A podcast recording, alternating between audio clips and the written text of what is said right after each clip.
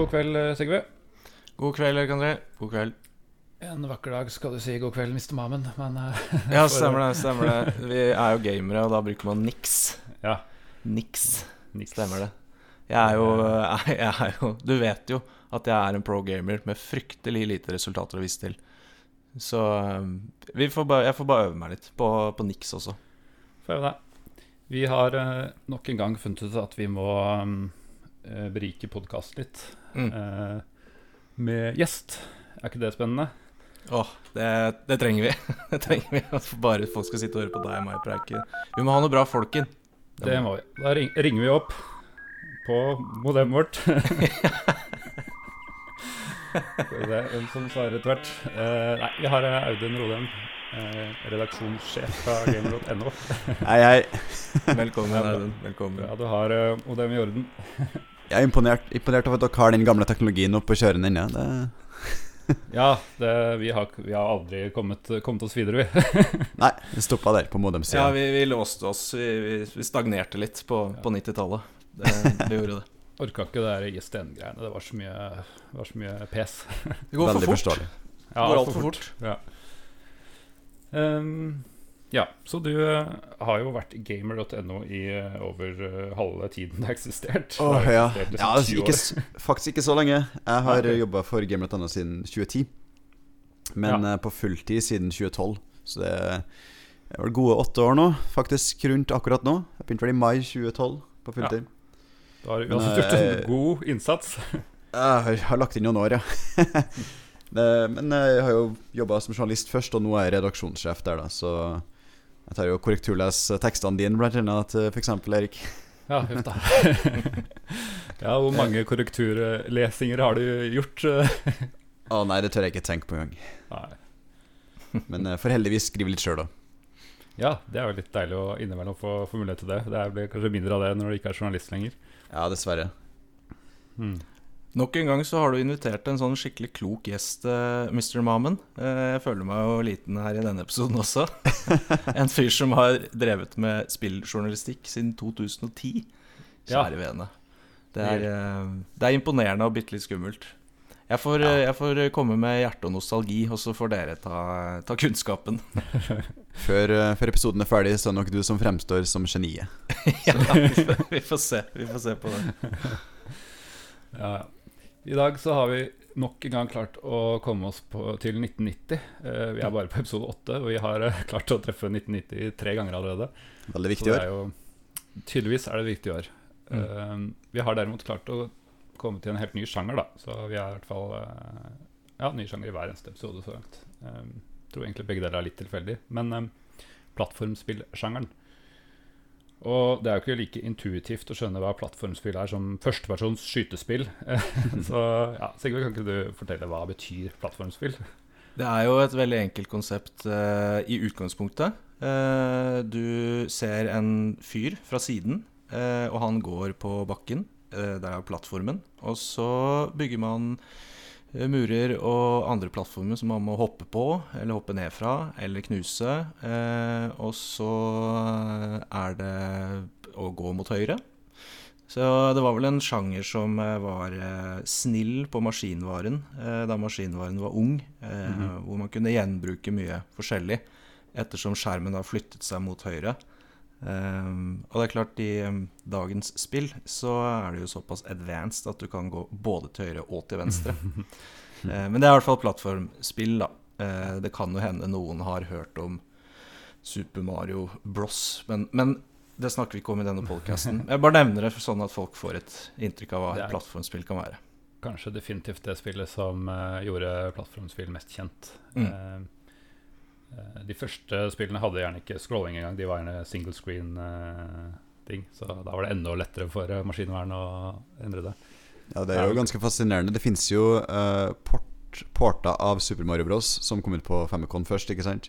Men det Mhm. finnes porteringer av det som eh, Der du har uh, oppdaterer screen, altså screen for screen. Du scroller ikke i det hele tatt. Ja, ikke sant? Det, det, det er noe helt annerledes. Du mister vel ganske mye av den deilige dynamikken som er, eh, er der. Ja, for- Ja, og du vet jo ikke hva som skjer på andre sida av skjermen, ikke sant? Så du må bare hoppe i Ja. Så det er liksom litt sånn skummelt hver gang du kommer til høyre ende av skjermen, for du veit ikke helt hva som åpenbarer seg eh, Nettopp. på neste screen. da Og det kunne jo Det kunne jo fungert hvis det var ja, typisk at du går inn i et rom, eh, som er veldig vanlig, at det er en loade, håper jeg, loadescreen, men når du i utgangspunktet skal løpe mot høyre på en, et plattformspill, så høres det litt, eh, det høres litt risky ut. Mm.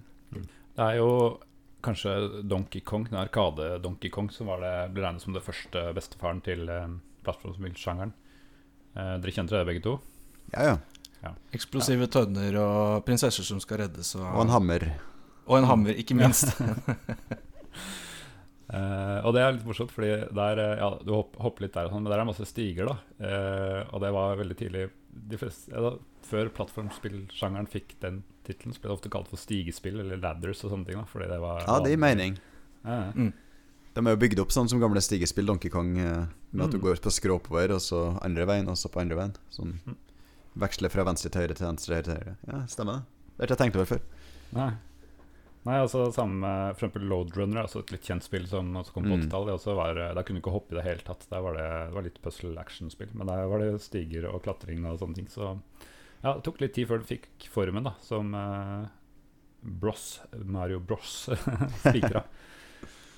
um, og til PC så var det eh, Det var et spill som het Command- Nei, um, Captain Comic, heter det vel. Adventures of Captain Comic. Som liksom ble regna som den første um, sånn Mario-aktig spillet på PC. Kom i 88, tror jeg. Eh, Jeg vet ikke om dere har hørt eller kjenner til det? Ikke godt, nei.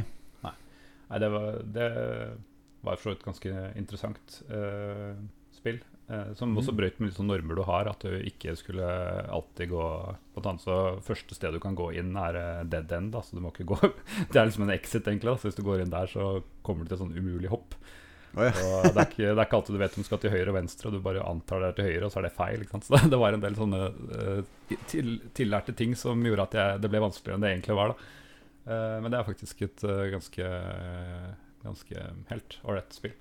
Og det Jeg er prøvde nice. jo Ja. Jeg, jeg prøvde jo å tenke litt på liksom, plattformspill til PC, og så kom jeg vel egentlig ikke fram til så veldig mange spill. Eh, forlot plattformsjangeren PC litt sånn tidlig på 90-tallet, egentlig? Eller er det bare jeg som har forferdelig dårlig oversikt og hukommelse? Det er nok inne på noe riktig der. Altså. Eh, Det er jo ikke det, det første Altså Når folk tenker plattformspill, så er vel kanskje ikke PC det man tenker på først. Men samtidig så så, så jeg gjennom Apogee-backloggen, og sånn 80% av de, eh, de mange titalls spillene de hadde, var jo faktisk plattformspill. Altså, og det er masse, masse fra andre utviklere også som, eh, Mm. som har det. Så, så det fantes ganske mye på i hvert fall slutten av 80, starten av, eller mest på starten av 90-tallet. Men eh, ja, det er riktig, det ble mer dominerende på spesielt konsollspill. Ja, og litt sånn senere Det er ikke veldig mange som store titler, egentlig. Som, Nei. Kan man regne Prince of Persia som et plattformspill? Absolutt. Det er en mer sånn cinematisk plattformspill. Mm. Og der skifter du over skjerma, hvis jeg husker riktig. Ja, Det er, spennende. det, det er et godt poeng, faktisk. Da er det også litt spennende. Hva, hva kommer du til? Ja, og det virka jo som om scrollinga var det største hinderet, i stor grad. I Ja. hvert fall rundt 1990. Og så Mm. fant man løsninger på det rundt det. Ja, det var det. Så ja, vi skal snakke så med dagens spill, men jeg lurte på det mest frustrerende plattformspillet dere har spilt. Har dere tenkt noe på det? Jeg kan jo begynne med deg, Audun. Åh, uh, det mest frustrerende plattformspillet uh, Litt usikker på om jeg kan kalle det et plattformspill, men eh, det var et spill på PlayStation 1 som heter Rugrats uh, Search for Reptar, der du Ja, det, det er litt som et slags sånn tidlig 3D-plattformspill. Bare at du gjør forskjellige ting i hver, hvert brett. Og det, det er et helt forferdelig spill. Ikke spill det spillet. Det er så frus det er Jeg ble nysgjerrig. Hvorfor, hvorfor ikke det? du blir faktisk uh, bilsyk av det. jeg blir Ja, okay. bilsyk av det. Uh. Eh, og det er på av at kontrollerne er så vanskelig å hanskes med. Du, um, du, du blir liksom bare frustrert av å prøve å kontrollere figuren mens kameraet og frameraten og alt bare jobber mot deg. Ja. Og Mm. du Ja. Det er veldig frustrerende. Jeg synes veldig mange spill når de begynte å switche til 3D, ble veldig forvirrende. I hvert fall eh, er det mange sånne spillserier som kom på slutten av 90-tallet til eh, i 3D-versjon, og så ble det bare helt forferdelig. For de eh, måtte jo lage nye normer og regler for hvordan ting skulle te seg. Ikke sant? 3D var ikke så godt utforska ennå. Eller man hadde ikke Altså, du hadde jo hatt Super Mario 64 og Crash Bandicut og sånt innen den timen. Det de hadde ikke helt greid å lande på den skikkelig gode spillfølelsen i 3D ennå. Hva med deg, Sigve? Har du et eh, skikkelig eh, frustrerende plattformspill? Ja, jeg har, eh, jeg har det, altså. Jeg må jo også dessverre til konsoll. og dette spillet er jo superkjent og flyter jo veldig fint. Og sånn quality of life-messig så er det ikke noe å utsette på det. Men Sonic the Hedgehog går så sinnssykt fort. Eh, så de få gangene jeg prøvde å spille Sonic the Hedgehog Jeg var jo en, eh, en, eh, en Mario-spiller, eh, kan du si, da, sånn plattformmessig. Hvor du kan ta deg litt tid til å tenke. Eh, Det gikk så sinnssykt fort. eh, Og så mister du de der eh, gullringene dine hele tiden. Og jeg ble så forbanna og frustrert. Og det er jo så De bare understreker det og trøkker det så sykt i trynet på deg at når du går på en smell, så spruter jo de der gullringene overalt. Så det ble en sånn negativ Bare en sånn negativ opplevelse, hele greia, egentlig. Så, så det, jeg tror det er det mest frustrerende plattformspillet jeg har, har prøvd. Ja, jeg eh, tror at mitt mest frustrerende spill må være Gremlins 2. Um, spillet jeg hadde til eh, var vel en PC Port, egentlig. Men det hadde litt kul musikk. Uh, det var eh, heller ikke scrolling, for det var nye skjermer. Og jeg tror jeg kom til sånn skjerm 2, kanskje rekorden var jeg kom til skjerm 3. Det var så, det var så Det hørtes ikke veldig langt ut. Nei, det begynner liksom dritvanskelig. Så jeg regner med at det ikke blir lettere og lettere, men det, det vet jeg jo ikke. Jeg, jeg kom meg jo ikke så langt. Så det Ja, nei, det var Ja, veldig merkelig, merkelig spill. Jeg husker du hadde en Du hadde våpen, så var det eh, var det lommelykt, for det tåler jo ikke de gremlinsene. Så flasha du den lommelykta i sånn bitte litt kort, så skjøt du en sånn lysstråle bort for å ta disse gremlinsene. Men eh, nei, det var, eh, var vanskelig. Det var ikke nok til å vinne. Nei, ikke for meg. Det hadde jo vært gøy å se om jeg hadde fått det i dag, men jeg, jeg har så dårlig minne for det at jeg, det sitter litt inne å prøve igjen. Ja, det er veldig bra. Men hvilket spill er det vi skal snakke om i dag, eh, egentlig? Det er vel på høy tid å introdusere det. Det er eh, Mm. Commander Keen. Mm. -hmm. En eh, spillserie som eh, ble utvikla av ID, eller ID Software. Som eh, kanskje er mer kjent for en god del andre ting i dag. Mm. Litt mer voldelige karakterer. Eh, og utgitt av Apogee Software, som da var eh, Sharer-kongen på 90-tallet. Og det var kanskje derfor det ble så utbredt òg, fordi de ga bort gjerne de, de ga det jo gjerne i trilogier eller serier, og så ga de bort første gratis, og så kunne du kjøpe for resten, da. Eh, og det gjorde de også i Commander Keen, som eh, eh, første trilogi heter Invasion of the Vorticons. Eh, som består av Marooned on Mars, The Earth Explodes og Keen Must Die. Så den første av de var da helt freeware. En tredjedel av spillet, basically. Og hvem er det du styrer og sånn? Du har vel, eh, har vel fått med deg hvem som er hovedpersonen, Sigve? Har du ikke det? Ja, eh, han godeste Billy, Billy Blaze. Eh, Som er litt interessant, eh, fordi han har jo altså Jeg antar han, har, da, han kaller seg selv for Commander Keen. Eh, fordi navnet hans For det er, er et kult navn, da. Eh, men jeg syns jo ikke foreldrene hans har gitt han noe særlig dårligere navn, egentlig, når du heter Billy Blaze. Eh, men det er klart det er kanskje mer Ja, det klinger ganske godt. Det er veldig sånn 80-talls eh, Back to the Future, 90-talls eh, edgy, kult navn. Billy Ikke sant? Jeg får veldig sånn god vibbe på det navnet der. Men det er klart, det er litt mer um, deskriptivt, det er litt mer beskrivende å hete Commander Keen, da. Siden han uh, er jo faktisk en slags ship commander. Mm. Så det er, eh, det er vår eh, helt her, Commander Keen. Mr. Billy Blaze. Defender of Earth. Eh, hadde ikke du et utdrag fra den eh, manualen eh, også, Sigve? Jo, se her, vet du. Jeg har en sånn um, en, en liten Hva skal vi si? En liten pitch på hva mm. dette her er for noe. Skal vi se. La meg bare reise tilbake til 90-tallet og ta båten over til USA. Billy Blaze, eight year old genius, working diligently in his backyard clubhouse, has created an interstellar starship from old soup cans, rubber cement, and plastic tubing. While his folks are out of the town and the babysitter has fallen asleep, Billy travels into his backyard workshop, dons his brother's football helmet, and transforms into Commander Keen, Defender of Earth. In his ship, the Bean with Bacon Mega Rocket, Keen dispenses galactic justice with an iron hand.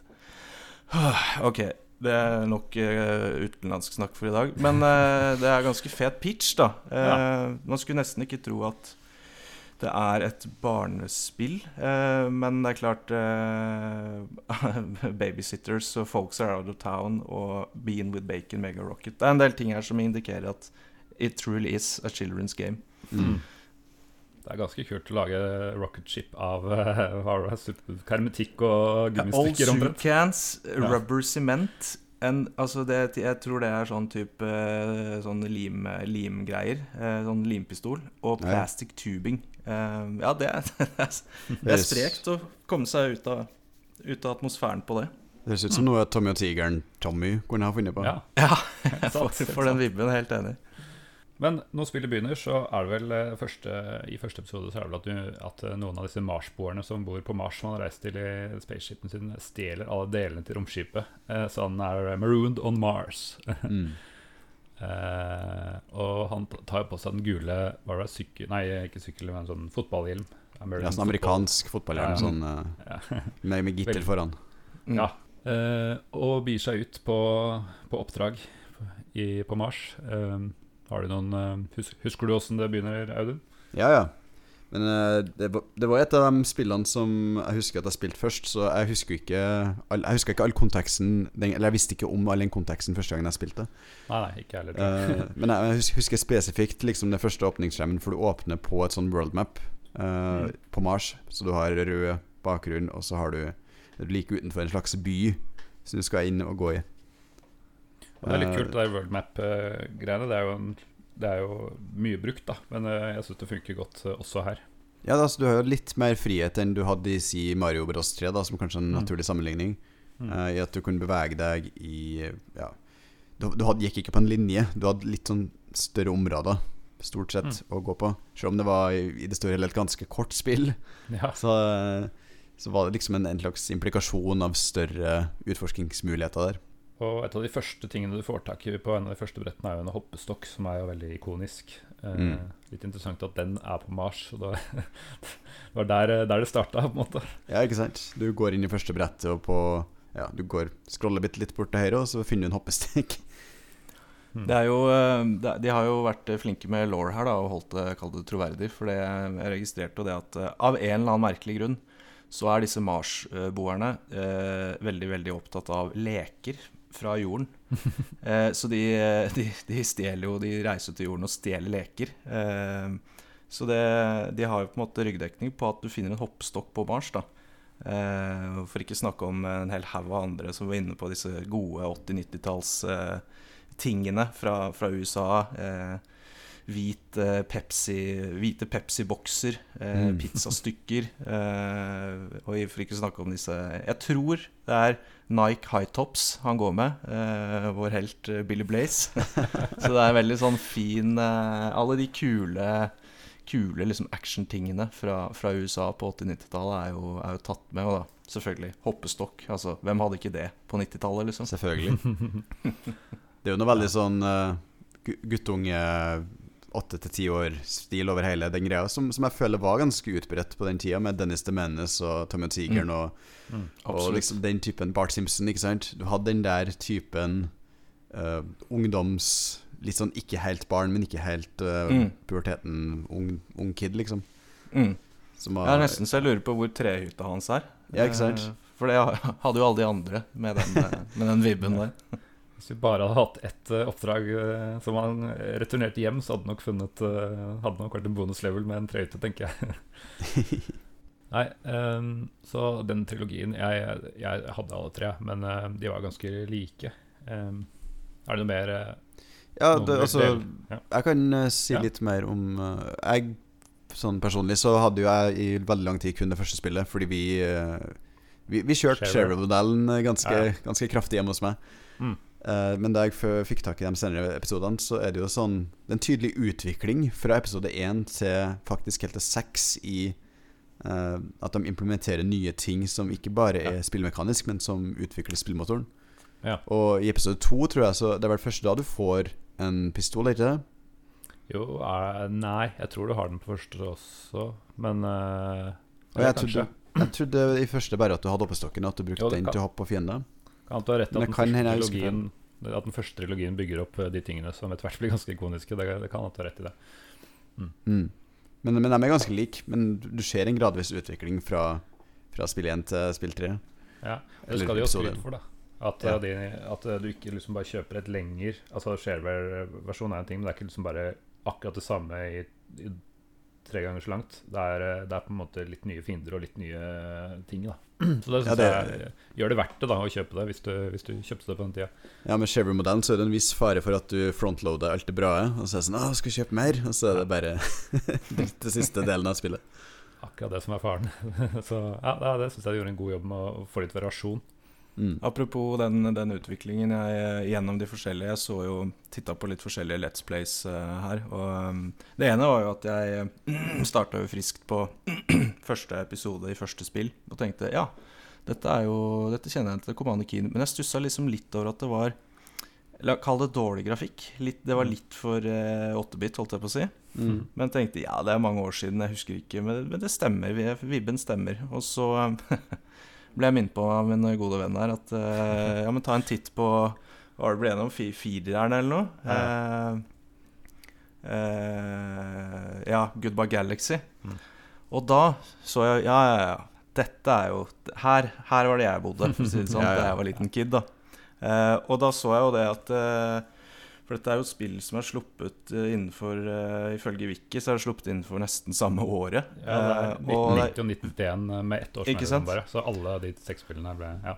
og det er jo merkbart bedre grafikk og bedre altså, spillfølelse eh, på, altså fra første, første spillet da, til eh, f.eks. til eh, Goodbye Galaxy. Eller egentlig bare Mm. ja, Goodbye Galaxy og videre til Alien State My Babysitter, så er jo grafikken virkelig liksom skrudd til bare mer og mer og mer. Og i eh, eh, Goodbye Galaxy så er det ikke kun uh, plattform høyre-venstre. Du kan jo på en måte gå mot deg selv og vekk fra deg selv, inn i rom. Um, og skli på noe, noe sånne brannmannstenger. Og, ja, så de, de har virkelig gjort et arbeid som er å øke kvaliteten på spillet innenfor ganske kort tid. Mm. Ja, ja. Ikke, ikke minst, eh, hvis jeg husker riktig, så tror jeg de introduserte parallax scrolling i episode fire.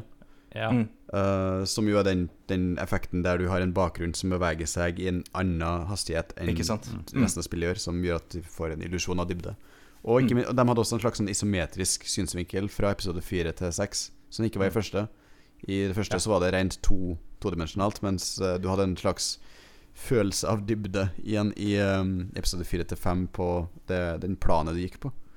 Det, det er en god beskrivelse, for det, det, det, det registrerte jeg, men jeg, tenkte ikke helt over hva det. Men det er faktisk sant at det er en form for isometri i, i de senere episodene. Hvor det, ja, det gir et inntrykk av at du ser det litt skrått, og ikke bare rett på eh, 2D. Mm.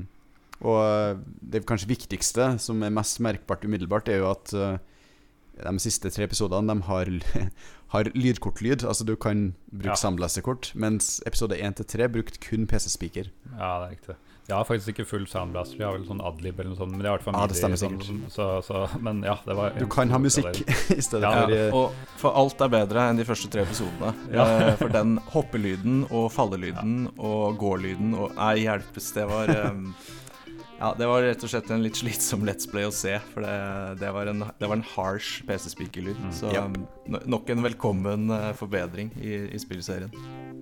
Og så var jeg faktisk helt over... Altså, fra fireren og utover så er det jo eh, er det jo ikke så blokket. da. Fordi de tre første er ja, alt sånn firkanter, og alt er innafor det, på en måte. Mens Mm. det er litt mer jevnere overgang og sånn. Så jeg var helt overbevist om at det var VGA på, på, på de tre siste. Men eh, det er faktisk EGA alt sammen, da. Eh, når jeg studerte i detalj, så er det bare 16 farger der også. Men de har brukt paletten mye, mye smartere og mye bedre, da. Fordi det er mye bedre illusjon. De lærte seg sikkert mye bedre hvordan du kan bruke den begrensninga på best mulig måte.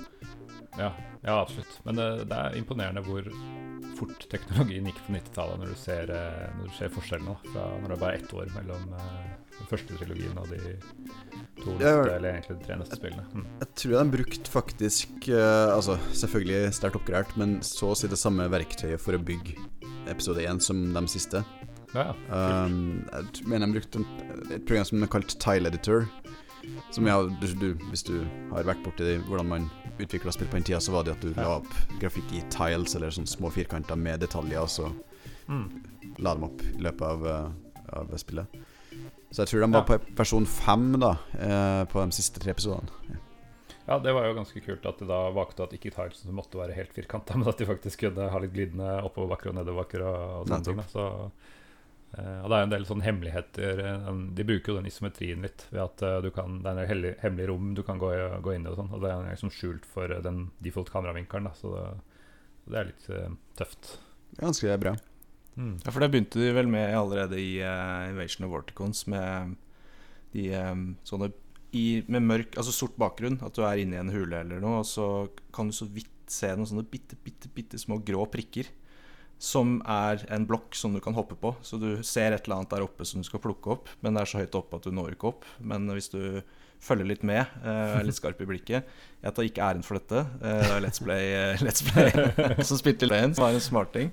Men det var bare gøy å se at de hadde sånne ja, type hemmeligheter allerede i første, første spillet. Ja. hvor du da måtte skjønne at du kunne hoppe i på en måte løse lufta da, når du så disse små prikkene. Så det har de jo også åpenbart plukket opp da, og, og bygd videre på.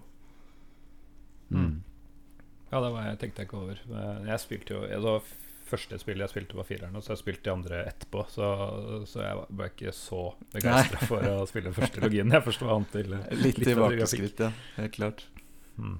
For den fireren som eh, ja, den heter vel noe Secrets of the Oracle, det var sånn shareware da i noe som egentlig skulle bli en ny trilogi, men det endte med å bare bli to spill, og så ble den sjette Aliens Ate My Babysitter en standalone release. da Ja. På, en, eh, på et annet forlag, hvis jeg husker riktig. Jeg tror det var et annet forlag som ga ut den siste episoden, ikke Ja. Apogee. Det tror jeg godt kan stemme, fordi eh, disse er til salgs på Steam, og da er det bare én til og med fem. Og så Ja. er ikke Aliens Ate My Babysitter, så det er nok noen egne deals der. Men i den, eh, i den Apogee-pakken så tror jeg mellomkapitlet, altså Keen Dreams, er med. Nei, det mangler også, og den blir også oh, ja. utgitt på, den, vet, den, Eller den blir i hvert fall utgitt på et annet forlag. Jeg, jeg veit ikke om Aliens Ate My Babysitter gjorde det, men uh, den Keen Dreams var en sånn mellom Det blir ofte kalt for episode 3,5 eller noe sånt. da Fordi Ja, det- Lost episode, fordi det er nesten umulig å oppdrive lovlig. Det er umulig å oppdrive lovlig.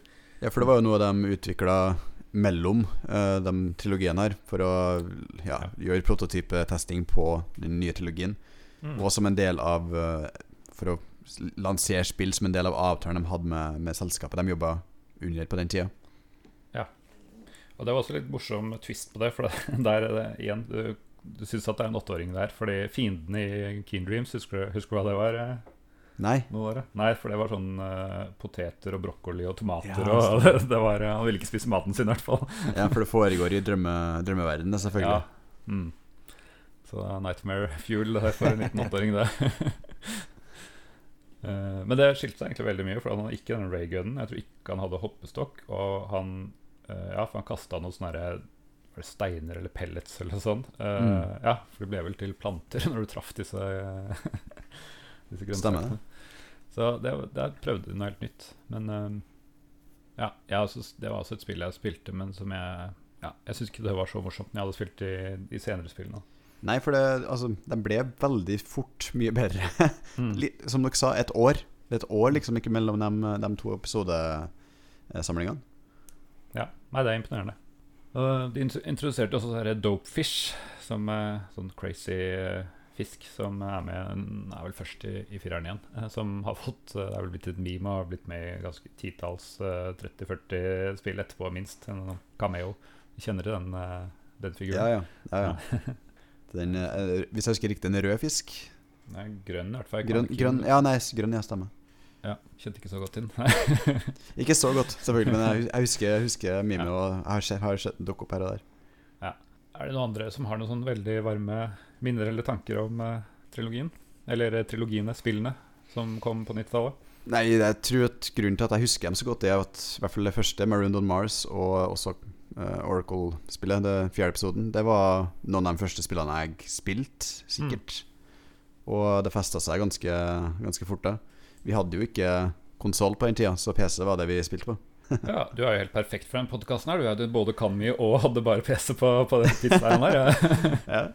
Jeg husker den, mm. Husker den eh, stemninga som vi var litt inne på, eller den, den vibben med liksom en, en kul kid som uh, styrte ting på egen hånd uh, når mor og far var borte og, og eh, babysitteren lå og sov. Så, så jeg husker jeg liksom det var veldig sånn god stemning, og jeg identifiserte meg liksom litt med stilen. Uh, jeg spilte jo, som nevnt, mest, mest Goodbye Galaxy. Uh, men jeg, Mm. ja, det var litt sånn der som du sier, Dance the Menace, uh, Home Alone, uh, Commander Keen. Litt den der kiden som uh, gjør helt sinnssyke ting på egen hånd når mor og far er borte. Eh, så jeg har, gode, gode minner fra, fra Command Keen-serien. Eh, så jeg gjorde en liten observasjon på eh, Dette er jo et spill for barn, så id Software, som er flinke på å vise hvordan man kan drepe folk på mest mulig grusom måte, måtte jo være litt kreative her. Men jeg syns de har løst det utrolig kult, fordi det er klart du kan ikke ha så mye blod og gørr, at ting faktisk dør når du skyter dem med laser, eller Zapp-pistolen din. Eh, men likevel så har de på en måte embraced det, sånn at uh, når eh, de forskjellige monstrene dør, da, i anførselstegn, så jeg husker den ene Gargar, eller de der grønne med to øyne på stilk, som er svære med stor munn, de, Mm. de blir skutt med den zapperen, og da bare detter de liksom sammen, og så blir de liggende og ser ut som de skammer seg. Og så, så, så jeg syns det var litt morsomt Jeg synes det var morsomt at de på en måte bare embraced den der Nei, vi kan ikke ha dreping her, men la oss i det minste gjøre det litt morsomt. Så det er, er jo faktisk et litt sånn Det er jo rett og slett et litt sjarmerende spill, eh, må jeg si. Med alle disse detaljene. Mm. Så jeg, nei, jeg har veldig gode minner fra, fra den serien her. Altså. Og det er jo i hvert fall uh, artig når du veit sånn i ettertid hva som skjedde Ja. i id, like etter dem uh, Hva de begynte å utvikle etter den andre trilogien med Commander Keen, for de hadde jo egentlig uh, planlagt å lage en tredje trilogi, Ja. men eh, så fant de en gullåre mm. i et spill som heter Wolfenstein 3D. og, der, og, der, og deretter er historien endret. Forever. Yes. Det kan du si. Det var faktisk eh, Det så jeg noen poste her om dagen. Eh, finner, de skulle markedsføre eh, Wolfenstein, da, så du finner noe hakekors rundt omkring i Kvanakin-verden. Er det seriøst? Er det, er det easter eggs med hakekors i? ja, det, jeg tenker OK, det var jo Ok, Det var jeg ikke klar over.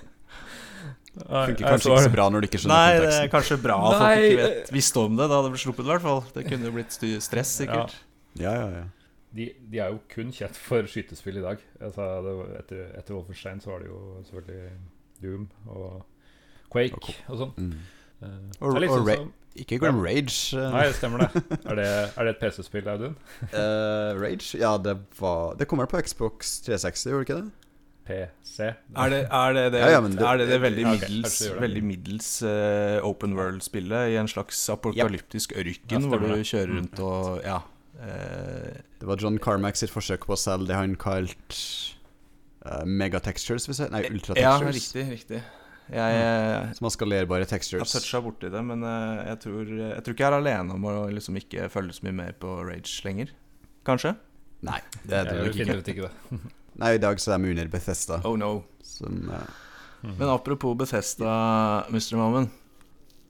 Har det Mhm. kommet noen oppfølgere til uh, Commander Keen i det siste, eller? Det er morsomt at du skulle spørre, men eh, i 2001 så kom det et Gameboy Color-spill. Som jeg vet at ID bare, eller id Software bare Ja, vet ikke. Sover før release eller noe sånt. Jeg tror ikke de hadde noe som helst med det, med det å gjøre. Nei, for det var ikke id som laga det. Det var ikke det teamet med Romero og Carmack og, og eh, Det var ikke det gjengen i det hele tatt. Det var noen andre. Mm, Det var. Activision som Ja, publiserte jeg juksa litt, eh, så jeg ja, kan bekrefte det. Vicky sier at det var Activision Mm. som, eh, som sto for den, ja. I 2001. Kult. Uh, jeg tror Eller jeg vet egentlig ingenting om det spillet. Det er ingen som har spilt det her. Jeg tror ikke det var sånn Jeg tror ikke det var veldig nevneverdig. For å si sånn Jeg har ikke spilt det, men jeg har ikke hørt, noe- jeg har ikke hørt noe bra om det. Jeg har ikke hørt at det var sånn Å, det må du få med deg. Nei. Eller at det har noe som helst liksom å gjøre med de gamle spillene, sånn bortsett fra i navnet only. Nei. Og det er jo ikke så lenge siden. Det er bare et drøyt Nei, snaut år siden det ble kunngjort et Mm. nytt Kvanakin-spill uh, på sommeren i fjor. uh, ja, du som eh, skriver Nei, jobber for Gamer, Audun. Hva, det skrev vel gamer.no også litt om. Vet du hva, jeg skrev om det, faktisk. Det var det jeg Eh, hadde en følelse av. Ja, fordi under pressekonferansen på E3 til Bethesda i 2019, ja, så begynte de å vise en trailer av et spill som hadde en ganske kjent figur. Det var Commander Keen. -hmm. uh, og det virka jo ganske kult ganske lenge, helt til folk skjønte at det var et Mm. mobilspill. Ja. og da Altså, no, no. det å lage et mobilspill av en så kjent PC-spillserie, det er ganske vrient. For du skal, du skal prøve å treffe et publikum som allerede er ganske liksom satt til en plattform, Mm. PC. Og ja, vi får se. Det spillet er ikke ut ennå. Det kan hende det er kjempebra, for alt jeg vet, men uh, vi har ikke sett noe mer fra det siden. Nei, og var det ikke sånn at de kunngjorde at det skulle komme snart, eller i løpet av høsten, eller annet sånt? At de, du sa ikke noe dato, men jeg har inntrykk av at de, de eh, tisa litt om at det var eh, rett rundt hjørnet-type, da. Eh, ja, jeg husker ikke om det var så, så spesifikt. Det er i hvert fall ikke en eneste nyhet, verken om utvikling eller at det er kansellert, så ja, det, jeg har vel jeg har ikke sånn veldig høye forventninger om at det Nei, kommer i det hele tatt. Jeg tror det er den eneste gangen vi har hørt om det spillet. I min uh, lille research uh, så, så, måtte, ja, så prøvde jeg å finne Har det kommet noe, noe nytt Noe nylig, da. Så jeg fant jo. At det var, hadde skjedd noe i Command Keen-universet i, i 2019. da eh, og så, Det er jo synd da at det er blitt sånn, men jeg så at det var Betesta som hadde ansvaret. Så jeg bare Å nei. No, no, no. det er dessverre ikke ja, Jeg skulle ønske jeg kunne si 50-50, men eh, Så jeg eh, greide jo å finne en, eh, en gameplay-video på det, faktisk. Um, Mm. og det var eh, veldig, veldig, veldig skuffende. Eh, jeg ble Ja, det er jo det er et mobilspill, liksom. Det er et generisk mobilspill, og det er noe PVP, og det er noe cards og noe tactics, og jeg bare, jeg bare tenker Dette blir pay to win. Dette, hvis det noen gang blir sluppet, så blir det pay to win. Uh, med at du kan kjøpe kort, og du kan kjøpe egenskaper og ja. Hele Commander Keen-legacyen følte jeg liksom eh, ble ikke toucha i det hele tatt i det spillet. Det ble liksom bare nok en cash grab da fra Bethesda, hvor de spiller på nostalgi og et etablert eh, navn. Så vi får se vi, Ja, vi får se om de Ja. gidder å release det, eller om eh, fan, fanmottagelsen var såpass eh, dårlig at de bare lar det visne. Jeg håper det siste. Kan fort hende at det har blitt soft-cancela, siden vi ikke har hørt noe om det siden ja. 19. juni, liksom. Klokka Ja. halv fire om natta ser jeg her jeg satt og skrev. Ja, det var såpass, ja. Ja, da skal jeg si det står på. Jeg gjorde det da. Mm. Nei, jeg tipper de det, ja, det, det er ikke noe god PR. Alle hata jo det de ble presentert for, så jeg tipper at de, det blir bare mer dårlig PR å kansellere det offisielt. Så jeg tenker de bare lar det, lar det ligge. Um, er det noen av dere som har prøvd å spille de gamle i sånn de siste ti år, eller altså sånn nylig, da? Eller Ikke- er det Sikkert jeg har sikkert toucha innom i uh, løpet av de siste tiårene i min mine, mine dypdykk i internett database og sånne arkiver og sånn der.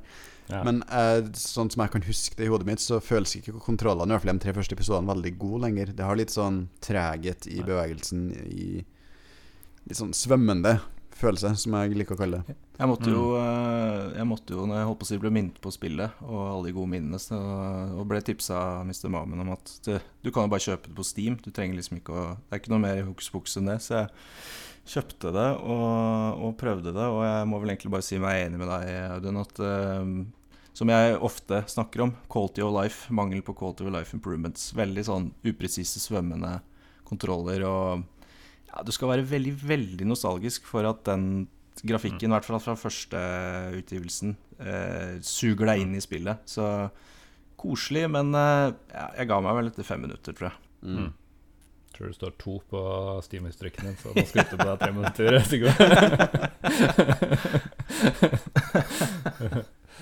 Så ja.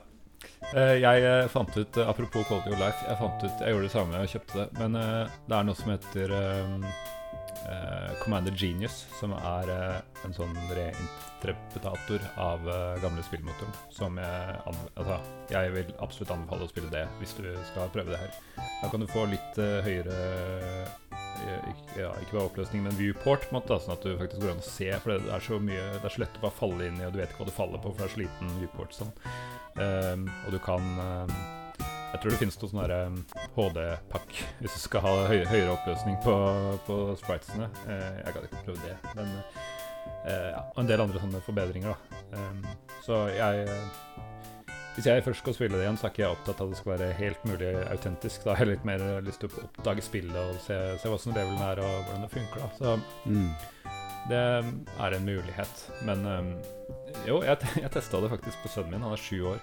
Jeg tenkte det er god test. Har det tålt uh, tidens stand? Og han synes, jeg, tror han, jeg vet ikke om det er grafikken som appellerte til, eller at det var en gutt, eller hva det var. Men han, han spurte liksom om å få spille litt til etter, etter jeg hadde tenkte at det holdt på ti minutter, så, så faktisk har det tydeligvis en viss appell, da. Men, eh, så, men eh, jeg vet ikke. Sånn, har det holdt seg og sånn? Um, Nei. Og er det Nei, jeg, jeg jeg, Kontant svar. Jeg syns ikke det var så gøy. Eh, det var ikke sånn kjempe Det var ikke helt på trynet heller, fordi det, det er spillbart.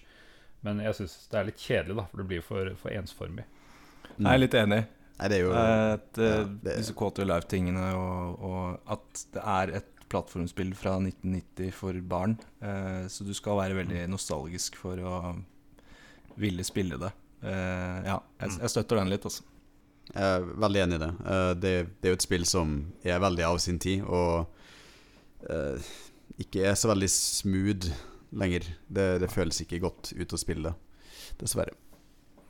Men det har jo tydeligvis en veldig sånn stor fan, fanskare. For det var jo mange som Altså De hadde jo ikke giddet å prøvd engang å lansere Command Keen i, i fjor. hvis ikke det var fordi mange hadde kjenner til det, i hvert fall. Da. Men jeg vet ikke helt hva Altså Jeg synes selv Jeg tror ikke jeg syns det var sånn kjempekult i, i starten av 90-tallet heller. Jeg spilte, jeg hadde ikke så mye annet spill og sånn, men, men jeg har ikke helt skjønt den der store fascinasjonen for Commander Keen. Men er det noen av dere som har noen sånn veldig varme følelser for det, eller som, som, som Ja, dere skjønner hva jeg spør om? jeg har noen teorier, i hvert fall. Uh, Altså At det er laga av id Software, et, Mhm. som er et av de mest legendariske spillstudiene som eksisterer, Ja. Er jo en historisk grunn i seg sjøl. Det er jo et spill som blir nevnt mye i eh, boka 'Masters of Doom'. Mm. Uh, det, er en, det er en veldig bra bok som er skrevet av uh, Jeg husker ikke fornavnet, men heter Kushner. Dave Kushner, David Kushner, tror jeg. Mm. Om, om id Software, og spesielt da utviklingen fra De jobba litt sånn undercover med Commander Keen og fram til de slapp Quake i de senere årene. Mm. Og alt det som skjedde i kulissene der, da. Og det er kjempeinteressant. Så jeg, jeg tror kanskje det har fått en litt sånn kult status der, og at det har en del sånn Å ja, Commander Keen, det, det kjenner jeg til. Det, ja. ja. Samtidig, det at det var en del av shareware-modusen, har nok gjort at veldig veldig mange har et lite forhold til i hvert fall den første, den første episoden og den fjerde episoden. Mm. Uh, Ja, det er nok det at det var var fått- mange som har spilt det, og derfor har det skapt litt bevissthet. da Og da bygger det seg opp uh, nostalgiske følelser og sånne ting. Det tror jeg nok. Mm. Ja, nei, jeg syns i hvert fall ikke det er kvaliteten på det som er grunnen til at eh, eh, Jeg skjønner i hvert fall ikke helt det, da. For eh, jeg syns ikke det var så topp. Nei. Vi begynner å nærme oss helt slutten her. Um, vi kan jo avsløre neste spill. Det kan vi. Det kan Det er uh, spillet tipper at eh, ikke veldig mange har hørt om. Eh, kan jo teste det på Audun her. Det heter Dr. Dragos Madcap Chase. Det ringer ingen bjeller her. Nei, det, er, eh, det, det ante meg. Det tenker jeg ikke er så veldig mange andre som, eh, som kjenner til heller. Det er et slags eh, digitalt brettspill som, oh, ja. som ja, ganske merkelig. Du skal få vite alt om det neste episode. Så må jeg først og fremst si tusen takk til Audun, som, som bisto og Mm. hjalp oss å fortelle om Commander Keen. Jo, takk for at dere Mm. hadde meg på Veldig besøk. hyggelig at du kunne komme. Veldig hyggelig. Jo, takk. Takk sjøl. Så sier vi bare på gjensyn, eh, Sigve, og for så vidt Audun. på gjensyn. Ha det bra. Ha det bra.